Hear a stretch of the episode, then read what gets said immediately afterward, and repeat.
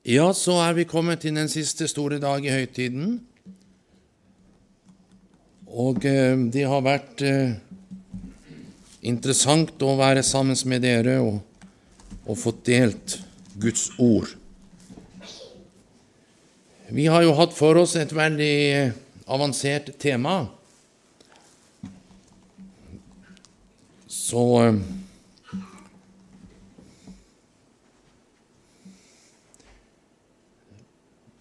så tenker jeg det at hvis vi gjør det slik at du får se det på veggen,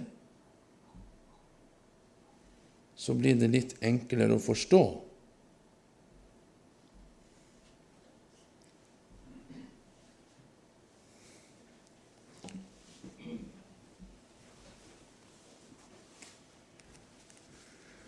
Det er ikke så veldig mange som reiser rundt og taler om om ypperstepresten og yppersteprestens kledning.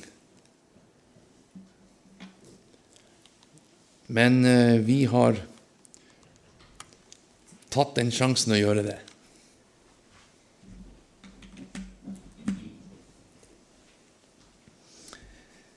Takk skal du ha. Du får lønn i himmelen.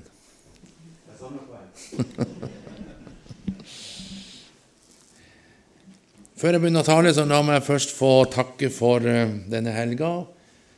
Uh, det er alltid gildt å komme til Eiken Og Svågen. Og her har uh, bodd veldig godt. Det er som du bor på et av de flotteste hotell i Israel.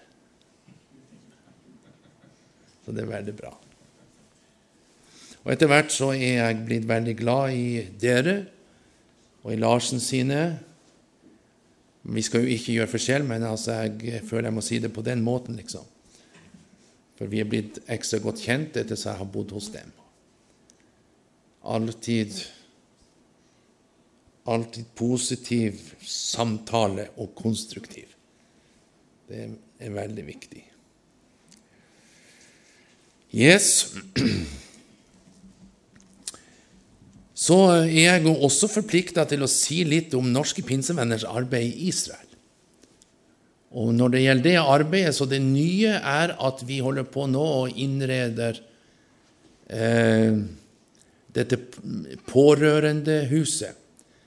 Skal vi kalle det for noe så flott som Sykehushotellet, som vi har fått i oppdrag å reise. Og eh, Reisverk og vegger og tak og sånn ble ferdigstilt under Adriana og Johan Bjørks tid. Og nå hadde vi fått en ny familie som heter Linjem. Og de er fra Larvik og har følt lenge på en tjeneste i Israel. De var en av søkerne for, for tre år siden. Og nå først lykkes det å eh, få komme ut for dem.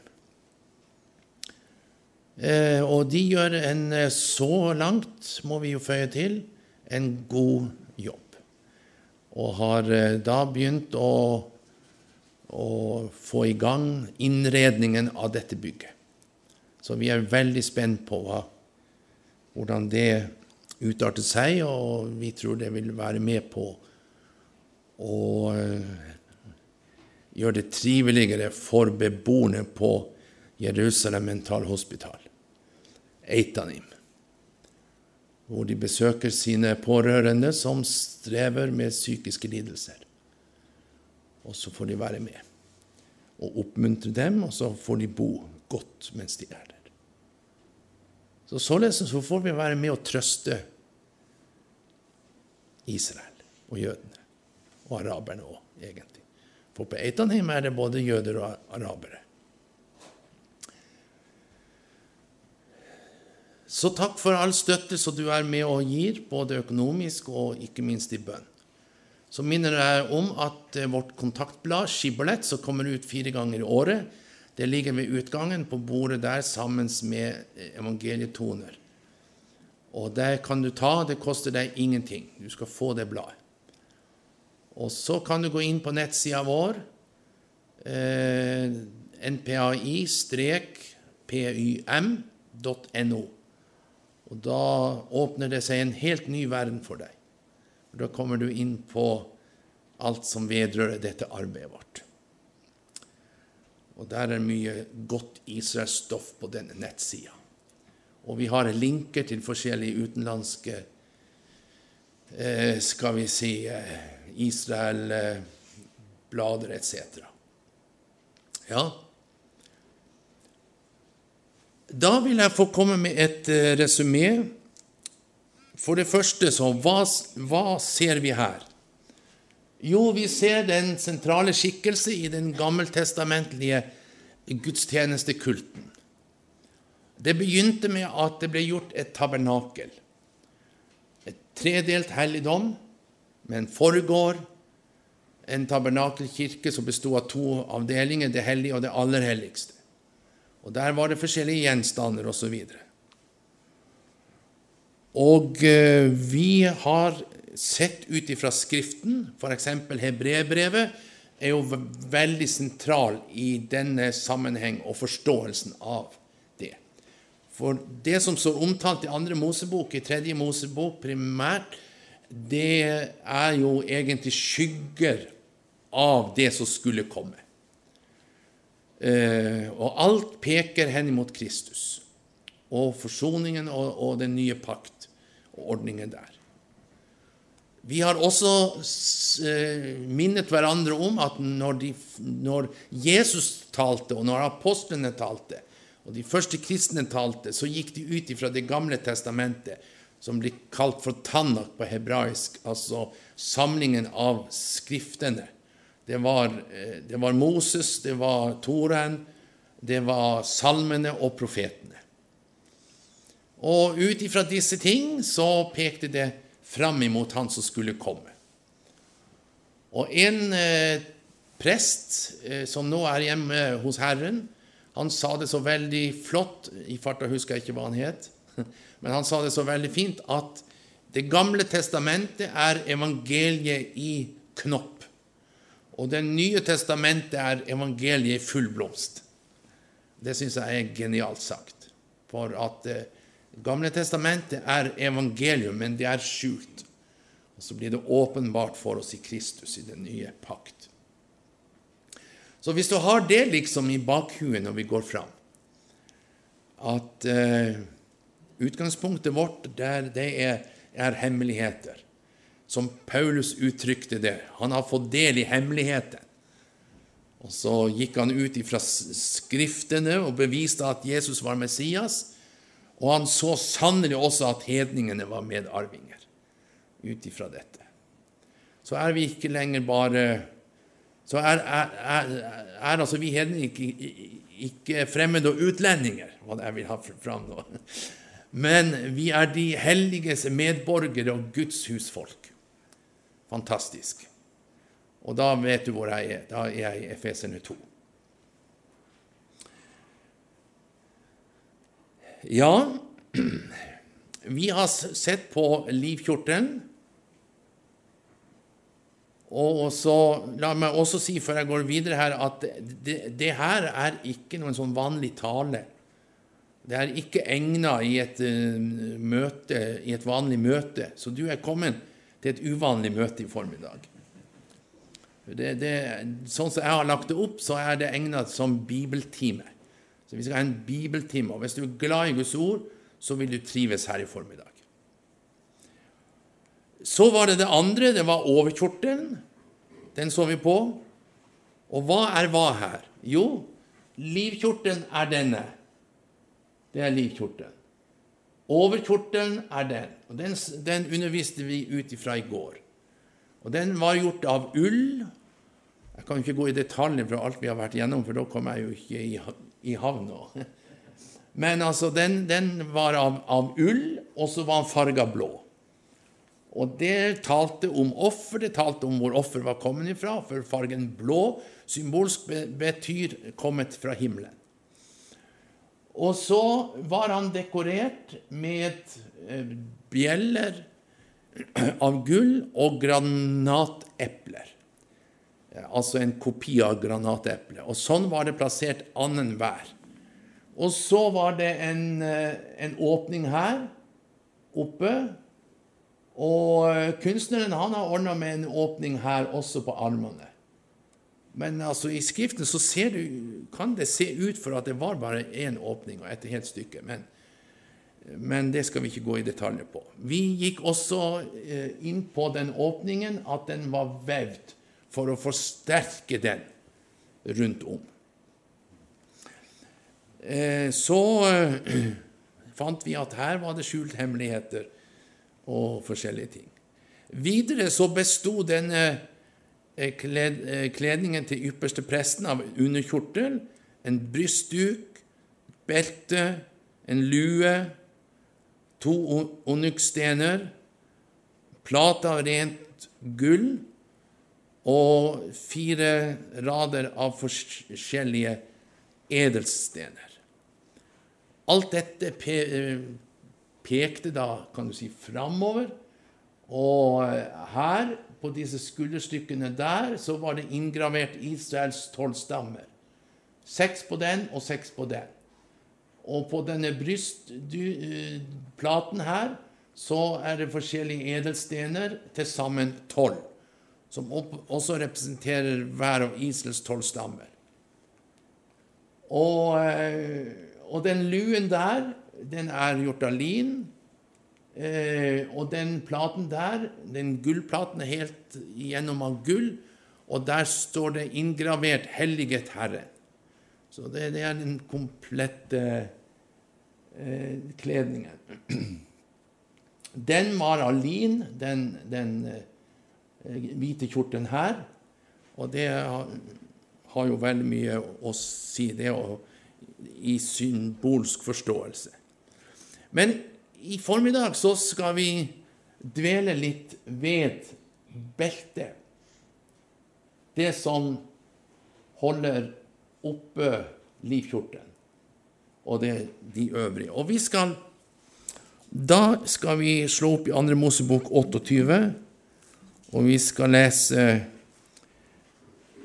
noen spredte vers. Tre vers, da. Som sagt, først vers 8. Og beltet som hører til Altså Det er jo da sagt i denne sammenhengen.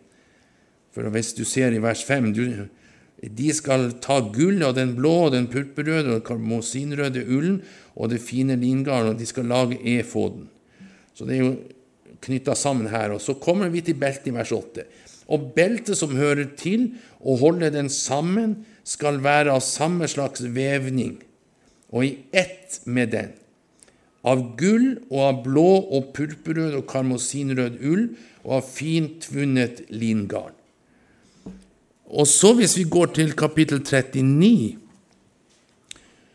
eh, Kapittel 39, vers 5 først, så står det beltet som hører til og holder den sammen, eh, altså denne overkjortelen laget de i ett stykke med den, og i samme slags vevning, av gull og blå og purpurrød og karmosinrød ull og fint vunnet lingarn, slik som Herren hadde befalt Moses.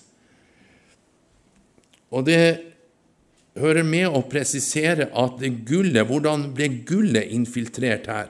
At det kunne veves inn? Jo, det så vi på for første kvelden at det, det var banket ut helt syltynt, og så var det brukt en saks som klippet opp i tynne, tynne, tynne tråder.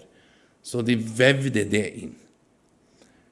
Og så så vi den symbolske betydningen på det, at denne gulltråden gikk fra eh, ypperste presten, og nå så vi, så vi i lys av Kristus, da han hadde herligheten, for gullet representerte himmelens herlighet. Og, og, og, det kom fram i hans jordeliv gang på gang. Og, og, denne herlighet som du, far, sa han i sin ypperste prestelige bønn, har gitt meg, har jeg gitt dem. Så denne gulltråden, den så vi, den, den går over til menigheten. Og yppersteprestens legeme er jo i nytestamentlig forståelse menigheten. Ikke sant? Vi er hans legeme, og han er hodet.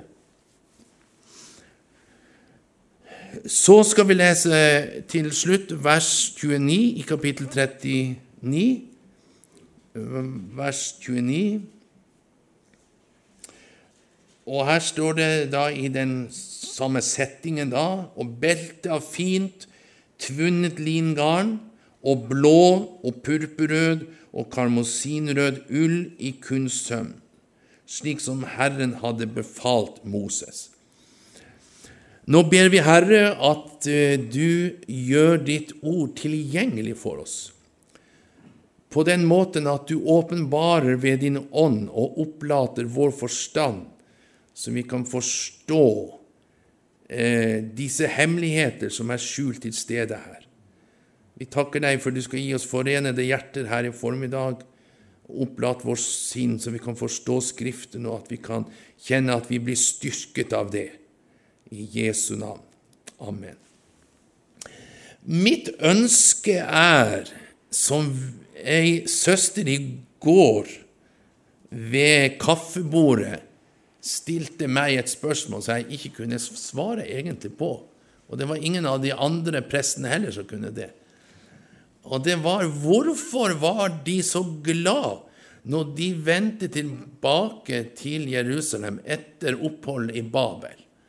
Og Det står at de var så glad at gleden hørtes lang vei. Så da fryda de seg altså ikke inni seg, men den fryden gikk ut av munnen. Selvfølgelig, for det hørtes lang vei. Og når det var i den gamle pakt, hvorfor kan ikke vi fryde oss mere som lever i nådens tidshusholdninger, nye pakt? Så det var et godt spørsmål. Så det kan dere jo tenke litt på når dere går hjem. Hvorfor kan ikke vi fryde oss litt mer, så det kan høres litt mer? ja. men, men, det viktigste er at Herren får høre vår fryd. Det er iallfall jeg kommet til. At det viktigste er at Han får vår, vår pris og vår lovsang. Ja, vårt tema er yppersteprestens belte.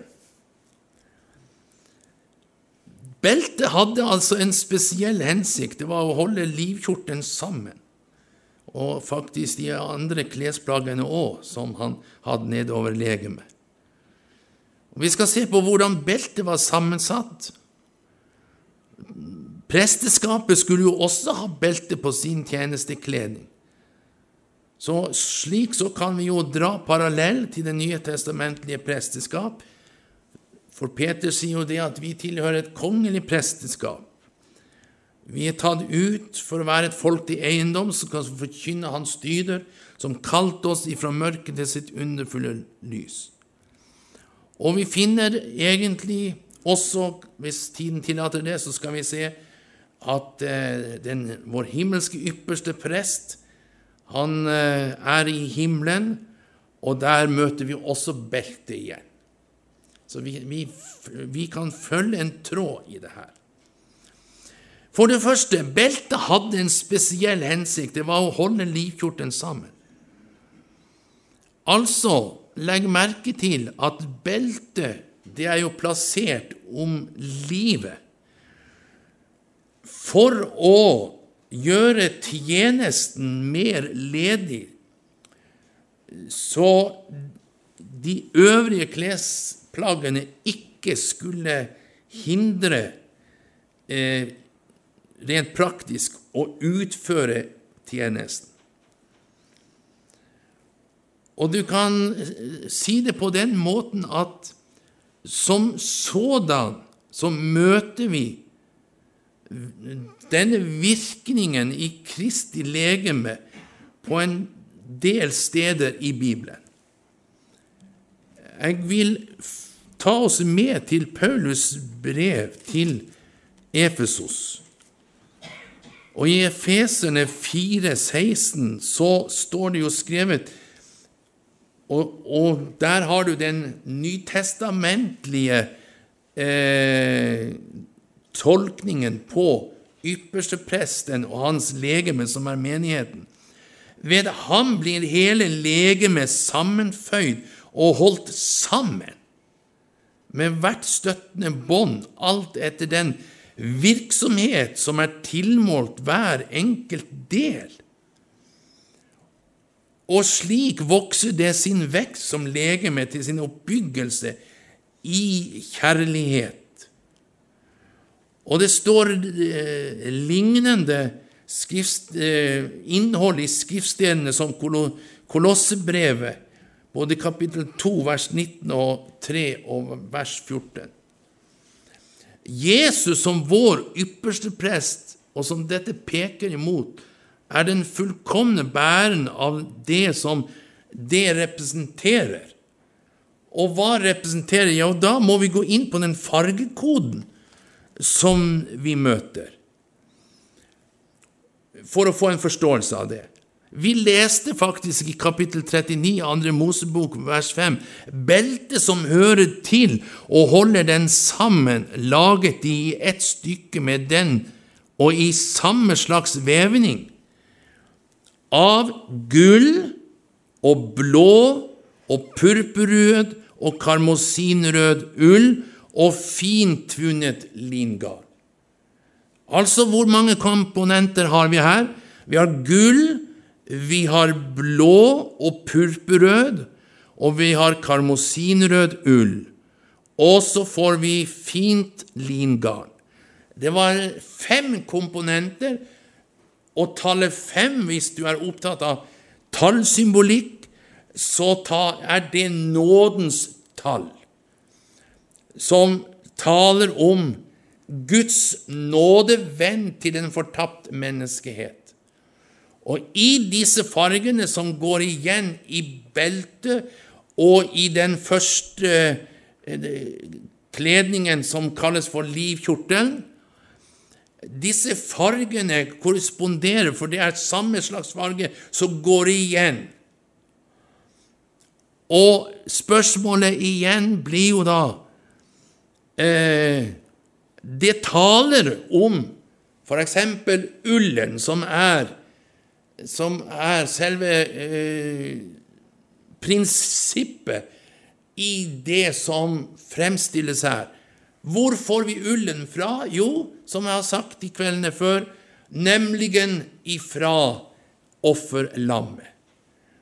Ved at det gir. Det gir ikke bare ullen, men det gir livet sitt.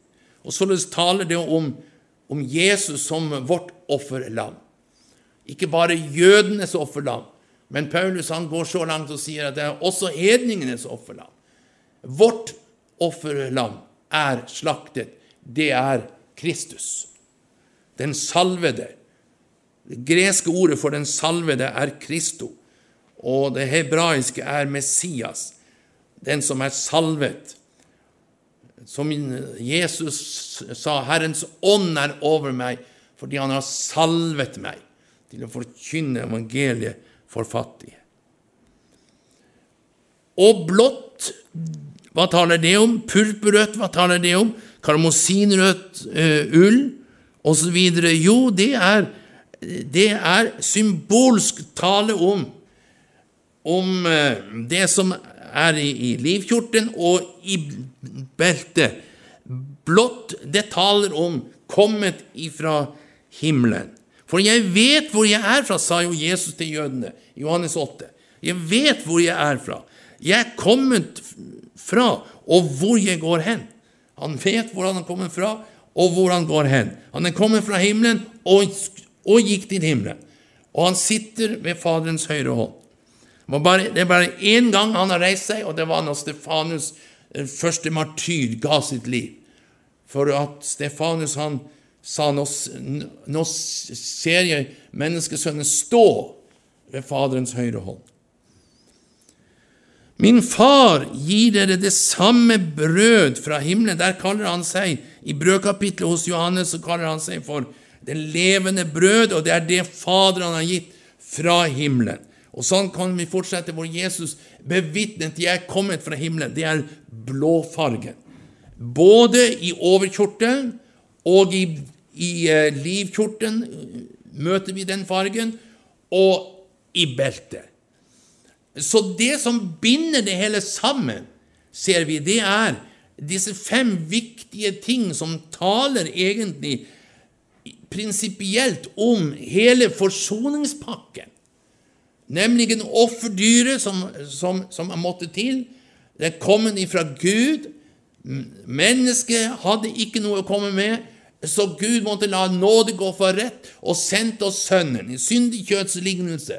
Og for syndens skyld dømte han synden i kjødet. Og ved denne vilje er vi helliget en gang for alle, da han ofret seg selv. Takk og lovpris. Så troen på dette binder altså Når du ser ypperstepresten slik han står der, med et stramt belte om livet, så er det det som binder sammen. Hva er det som binder menighetslegemet sammen? Jo, det er troen på dette. Så det møter du i beltet.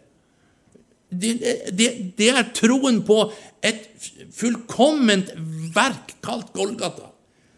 Når vi tok eh, brød og tok kalken her, så, så, gjorde vi det fordi at vi tror på dette. Og ved at vi gjør dette, så, så, så sier Paulus til korinterne, forkynner dere Herrens død inntil Han kommer. Ja. Så det er veldige ting. Halleluja. Men hvorfor denne purpurrøde fargen? Jo, la meg kort nevne det det er kongens farge. Og Jesus er konge. Han er, han, når, når, han får flytte inn i et menneskeliv på det individuelle plan Alle dem som tok imot ham, dem ga han rett til å bli Guds barn. Da skjer det noe mer enn en bare frelse. Ja, det er ikke bare bare det, men forstå meg rett. Han får også oppleve at Jesus blir herre i hans liv. Iallfall er det det som er meningen. Hvorvidt vi lar han regjere, det er en annen sak. Men det, det, skal utvikle seg, det skal eskalere hele tiden. Ja, Og da er han konge, og, og, og du husker hva som ble sagt under rettergangen når Jesus skulle korsfestes, før det her skjedde. Og landshøvdingen spurte ham, 'Er du jødenes konge?' Jesus sa til ham, du sier det. Du sier det. Pilatus sa da til ham, Men konge er du altså.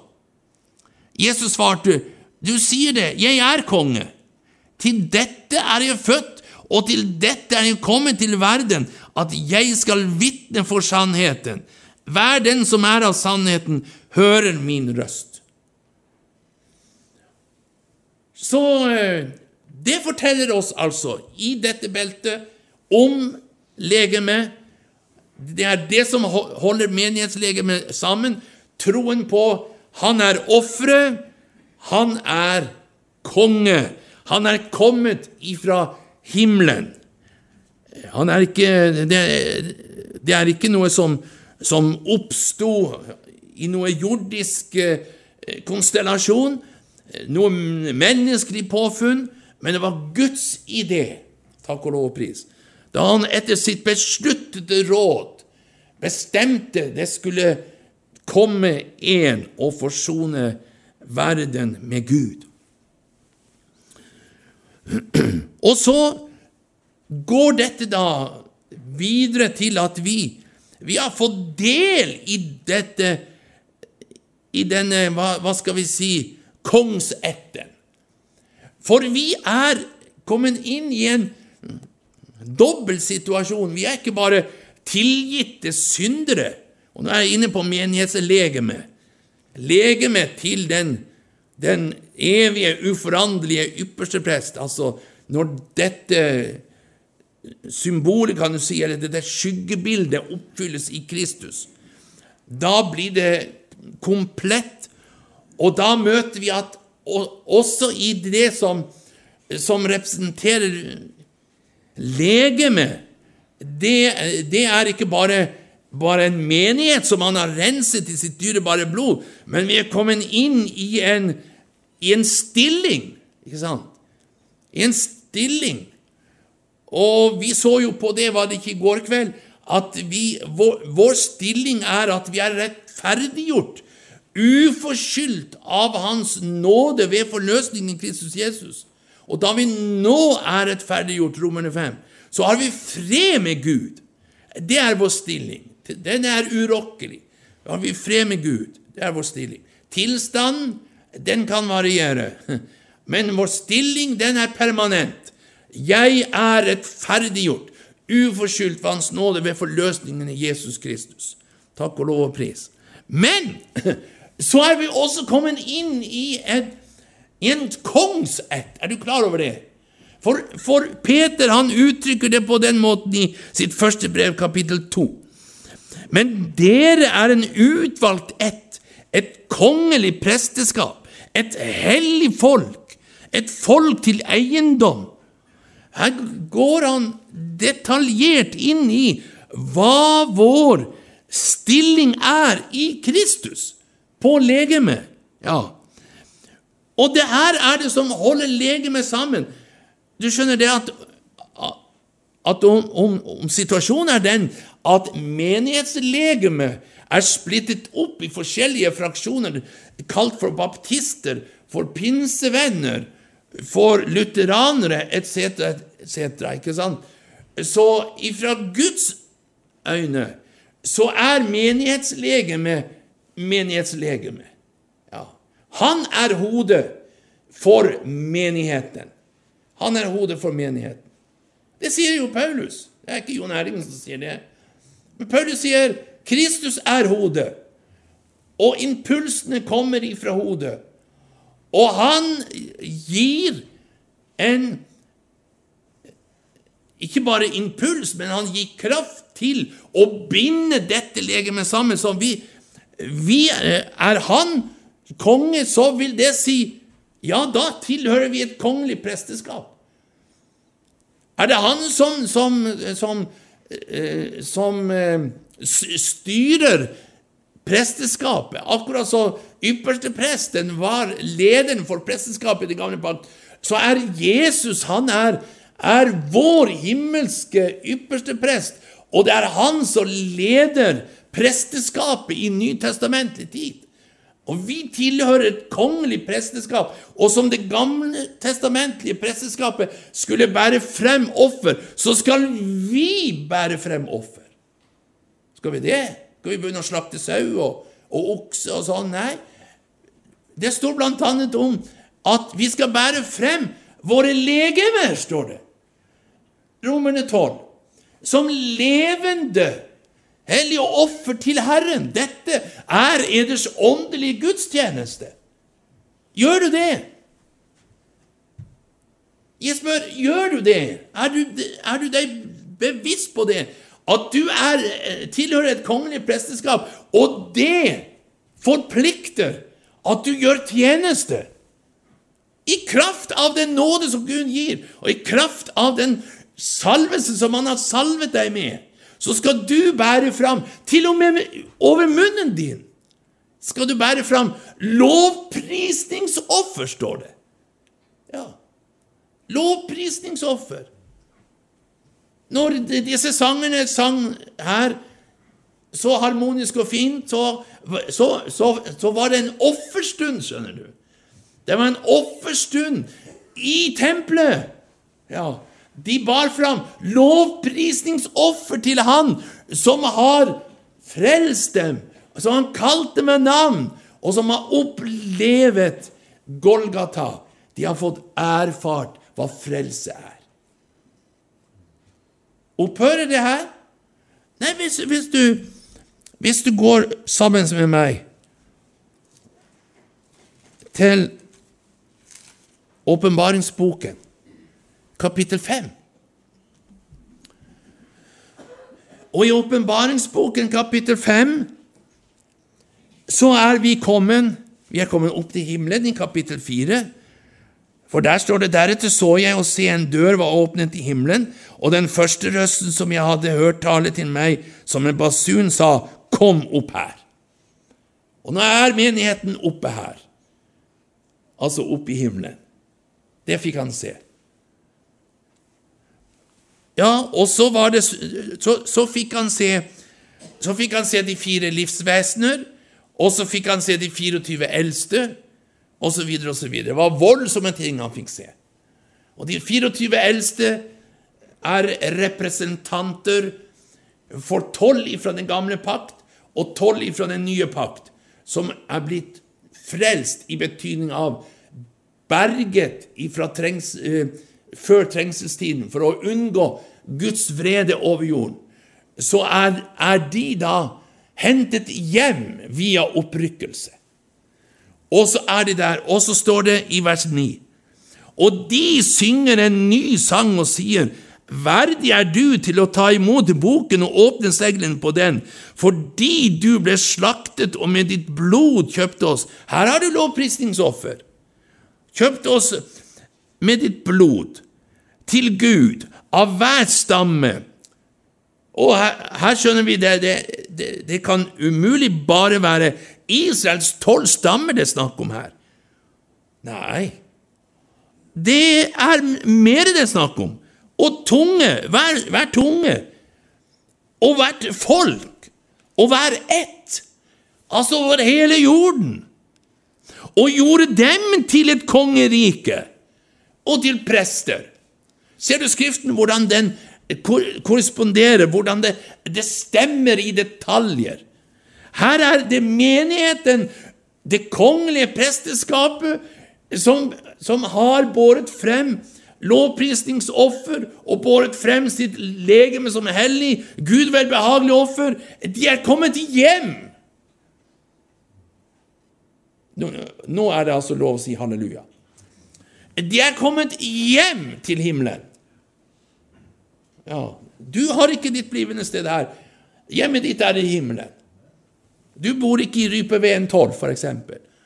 Det er ikke ditt hjem. Ditt hjem, det er Hallelujagaten 7. Sant? Det er himmelen. Ja. Og de skal herske som konger på jorden. Så tilhører vi den fremtidige regjeringen. Og jeg så og jeg hørte røsten av mange engler omkring tronen og de fire livsvesenene, og de eldste. Tallet på dem var 10 000 ganger 10 000 og 1000 ganger 1000.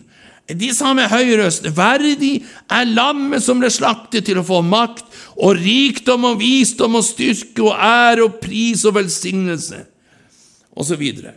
Så her, her var det to lovprisningsstunder. Den første stunden, der var de som var løskjøpt fra jorden, og så blandet englene seg inn i vers 11. Og jeg så og jeg hørte røsten av mange engler omkring tronen. Så, så, så begynte de å prise lammet, men de priste ikke lammet for, blod, for at han med sitt blod hadde kjøpt det. La du merke til det? Og hvorfor det? Jo, for de behøver ikke frelse. Det er, den fortapte menneskehet som behøvde frelse. Og da er det kun Jesu dyrebare blod som er rensningsmiddelet for synden. Amen. Og det det forstår ikke englene seg på.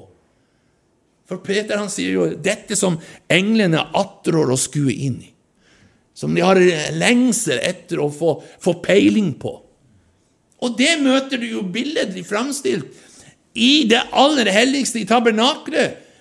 På, på det som utgjorde lokket på, på arken. Det heter nådestolen. Og hvordan var den formet? Jo, den var formet som et lokk, ja vel. Ja, men det var noe spesielt. Der var det to kjeruber som sto. To kjeruber som sto med vingene, en på den ene enden og en på den andre enden. Og så sto de med vingene imot hverandre og berørte hverandre og så ned i pakkskisten. Hva forteller det? Og det forteller at de var nysgjerrige å se hva som var i pakten. Og det fikk ikke de se, for at de sto oppå lokket. Og du møter forklaringen på det i Peters brev. Dette som englene atterår å skue inn i.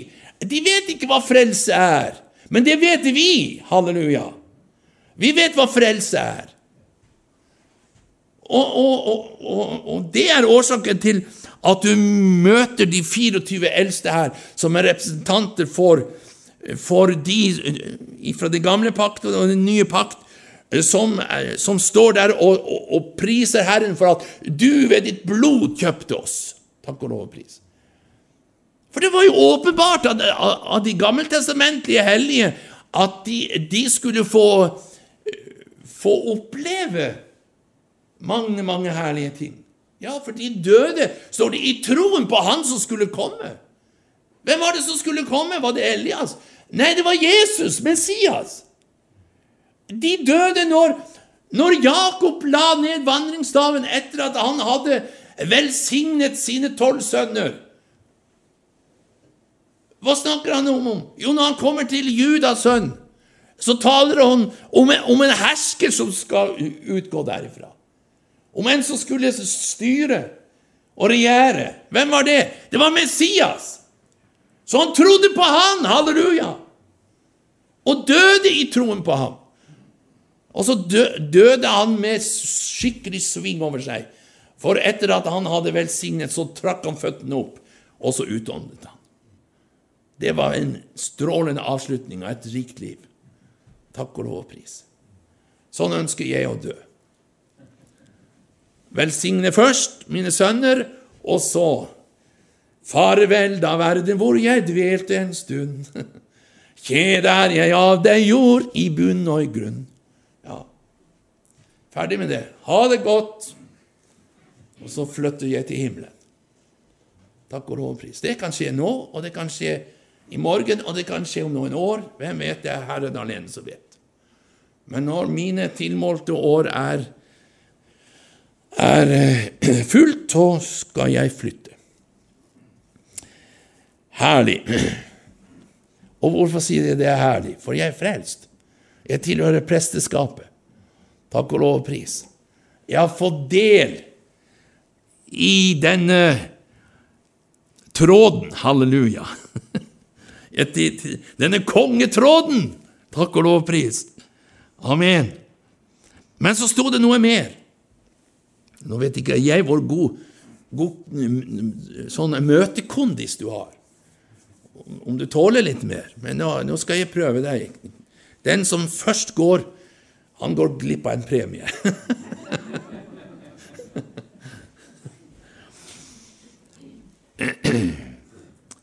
ja, så, lærte, eh, så, leste vi at det skulle være en tråd som heter karmosinrød ull. Kan også oversettes med rosenrødt. Vet du hvordan de fikk den fargen? Den fikk de ved, fortelles det. Jeg eh, har ikke så mye dokumentasjon på det, men jeg har lest meg til at de fikk denne fargen ved å knuse roser. Så fikk de fram denne fargen. Og da ledes faktisk mine tanker til Jesus og profeten Jesaja. At det, det har en klar tale om lidelse.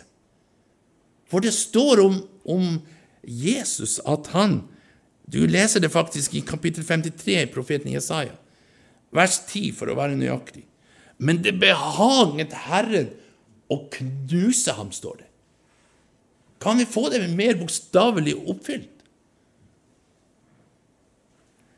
Knust, knuste roser frem gir, altså av det fremkommer det, dette farvestoffet, rosenrødt.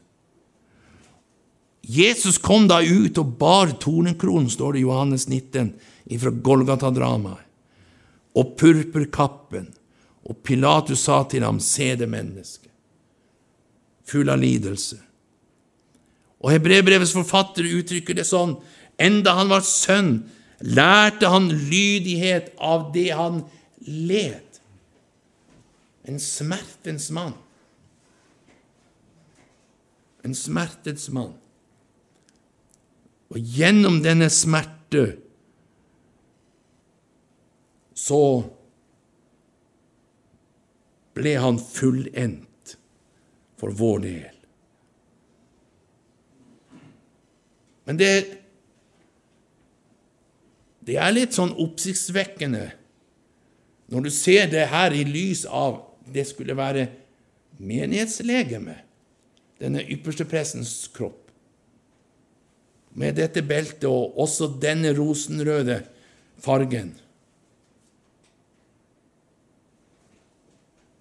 Når Paulus ber at han vil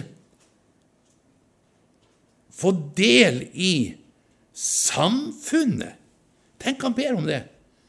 Samfunnet med Kristi lidelser.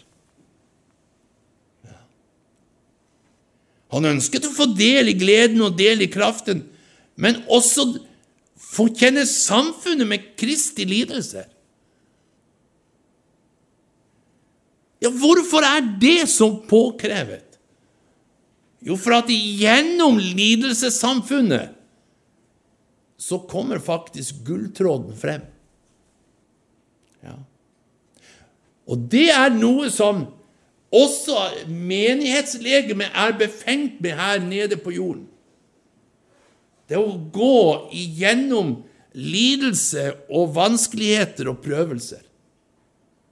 For at selv om vi er frelst, så betyr ikke det at vi unngår vanskeligheter. Nei, som det står i Romerbrevet kapittel 8, Paulus sier noe veldig viktig, at vi er underlagt, altså, disse lovene i denne verden, selv om vi er Guds barn. Ja. Vi blir syke. Vi må gjennom savn. Vi må gjennom tap. Å miste noen vi er glad i. Kona og jeg, etter at vi stifta familie, har opplevd store smerter.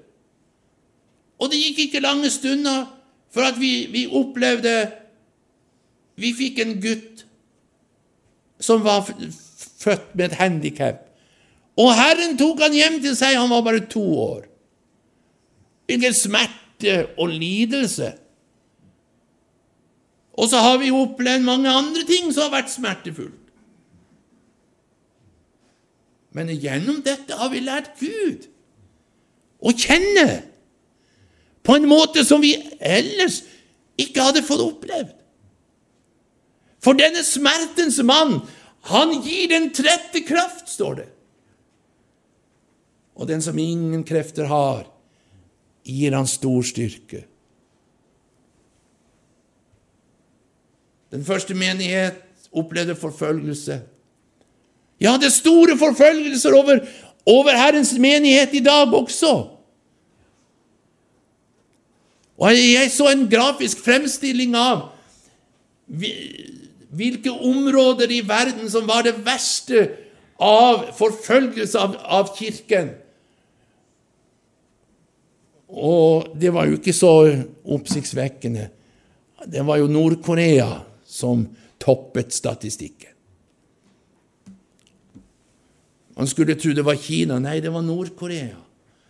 Der lider Guds menighet noe voldsomt av forfølgelse.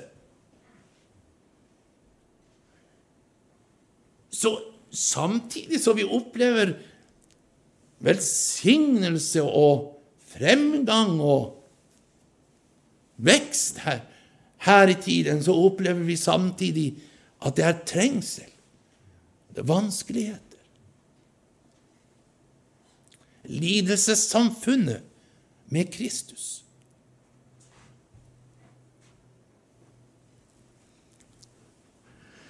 Det er denne rosenrøde fargen, karmosinrød. Og Emil Gustavsson, jeg vet ikke om du har lest litteratur av ham, han har skrevet en bok som heter En kongens brud. Og han sier det så treffende. Det liv som skal nære andre, må selv gjennom døden og males til støv, liksom hvete knuses mellom kvernsteinene. Jeg gjentar, det liv som skal nære andre, må selv gjennom døden og males til støv, liksom hvete knuses mellom kvernsteinene.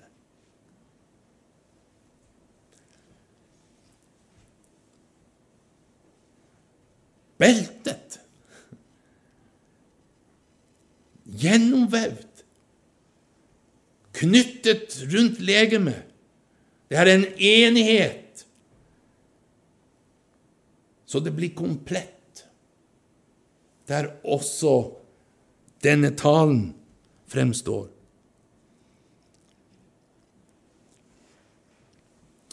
Men la oss fortsette, og da med å se nærmere på dette fine, tvunne lingarnet, som er et bilde på renhet og rettferdighet og hellighet.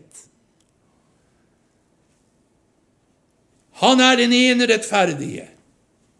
Og Du får jo en, en, en stor og sterk og gjennom til de grader så detaljert undervisning i Romerne 5.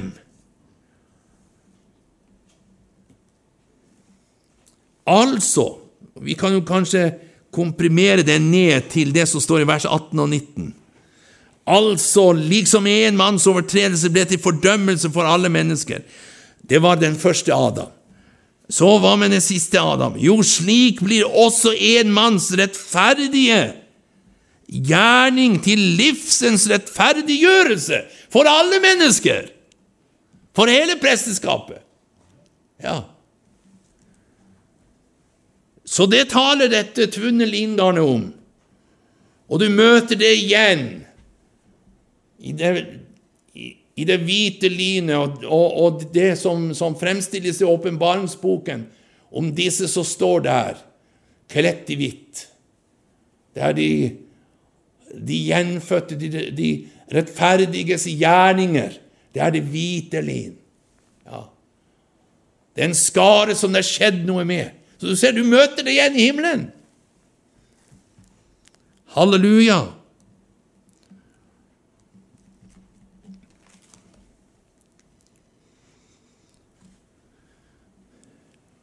Men så vil jeg avslutte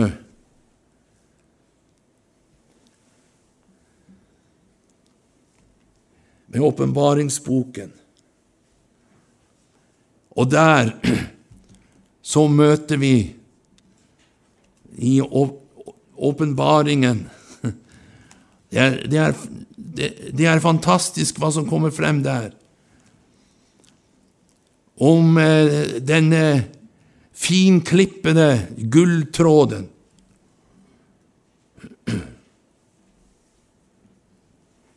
Og jeg vendte meg om for å se røsten som talte til meg, og da jeg vendte meg, fikk jeg øye på syv lysestaker av gull. Det var menigheten. De syv menigheter i Lille Asia. Og midt mellom lysestakene var det en som lignet en menneskesønn. Det var ypperste presten Jesus. Han var kledd i en fotsidkappe ombundet med et gullbelte under brystet. Jeg stopper der. Hvor er det blitt av de andre fargene? Det som de andre fargene representerer, det er ferdigstilt i hans jordiske liv. Og nå bærer han kun gullbeltet, kommet til, til herligheten. Og vi, vi så jo på det i går, at, at etter at han har gjort renselse for våre synder, så, så satte han seg ved Faderens høyre hånd. Hvorfor satte han seg? Jo, han satte seg for at nå var verket ferdig. Og han er den eneste ypperste presten som satte seg. De andre, de sto. Og det, det indikerte det er ikke komplett. Det er ikke ferdig. Men vår himmelske ypperste han satte seg etter at han hadde gjort tjeneste og gjort renselse for våre synder. Halleluja. Og han fant en evig forløsning. Seieren var vunnet på Golgata. Og så fant han en evig forløsning. Faderen godtok det og sanksjonerte. Og, og, og, det gikk ild ut ifra Herrens åsyn og delte seg og satte seg på en hver av dem som var blitt helliget presteskapet. Hvem var det? Det var de 120 som var samlet på den øvre sal. Og de, og de ble fylt av Den hellige ånd og, og talte andre tunge mål som de ikke kunne i utgangspunktet. Fordi, Hvorfor? Offeret var godtatt! De var blitt helliget en gang for alle. Halleluja. De hadde tatt imot dette, og ilden kunne falle. Oljen og flyter, salig vi nyter himmelske, den himmelske manna. Halleluja. Det var det som skjedde. Og alle som vil motta den samme kraften, kan få det. Hvorfor? Fordi at offeret er godtatt. Ilden kan falle. Og jeg husker ilden falt på meg som, som 15-åring. Det ble en total for, for, forvandling i mitt liv. Takk og lov og pris. Ikke bare det at jeg begynte å tale et fremmed tungemål, men jeg begynte å få en interessant bibel, skjønner du. Halleluja. Det ble lys, og det ble mye lys og varme. Halleluja. Takk og lov og pris. Og Aleksandersen, han, han har ikke peiling om hva han synger, skjønner du. For det er vi som skjønner det. Halleluja. Hva mye lys og mye varme er. Det er når Den hellige Gud fortred oss nær. Takk og lov og pris opplyse Skriften, så det blir liv i bokstaven. Prise Gud. Takk og lovpris. Amen. Så er herligheten der hjemme. Et komplett, fullkomment verk. Det er fullbrakt. Presten har gjort sin tjeneste. Og nå lever han alltid, takk og lovpris, for å gå i forbønn for deg og meg. Så mens vi er her til huset, så skal vi få oppleve og bli knyttet sammen med dette beltet. Det, og hva knytter oss sammen? Troen på det som, som fargene i beltet representerer, nemlig Golgata-verket. Ja. Blåfargen, han er kommet ifra Gud. Han som taler Guds ord, er kommet ifra himmelen. Det brødet, halleluja, som jeg ernærer meg av, det er kommet ifra himmelen! Takk og lovpris. Og det er usyret. Det er helt gjennomrent. Der har du lidet på nytt igjen. Infiltrert i brødet. Og du og du, hvor ditt Guds ord er. Takk og lovpris. Tror du på dette? ja, da er det salig, står det. For da har du et renset hjerte. Salig er de rene av hjerte, for de skal se.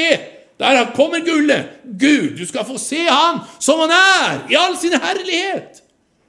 Og du skal få oppleve gull i massevis. Takk, lovpris. Det som begynte med bare en liten tråd her nede, det skal du få oppleve. Der er gatene bekledd med gull.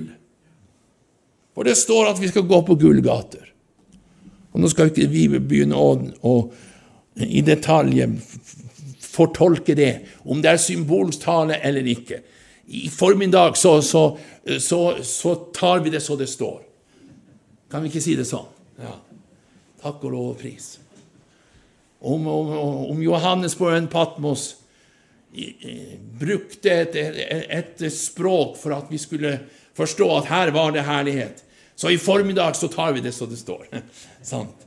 Jeg skal få gå på gullgater. Halleluja! Takk og lov og pris. Hva Han har beredt for den som elsker ham, er ikke oppkommet i noe menneskehjerte, står det. Takk og lovpris. Det er det som venter deg og meg. Vel, det er mer på denne kledningen, men vi fikk ikke tid til mer denne helgen. Takk for oppmerksomheten og Guds styrke og hjelpe hver og en. Amen.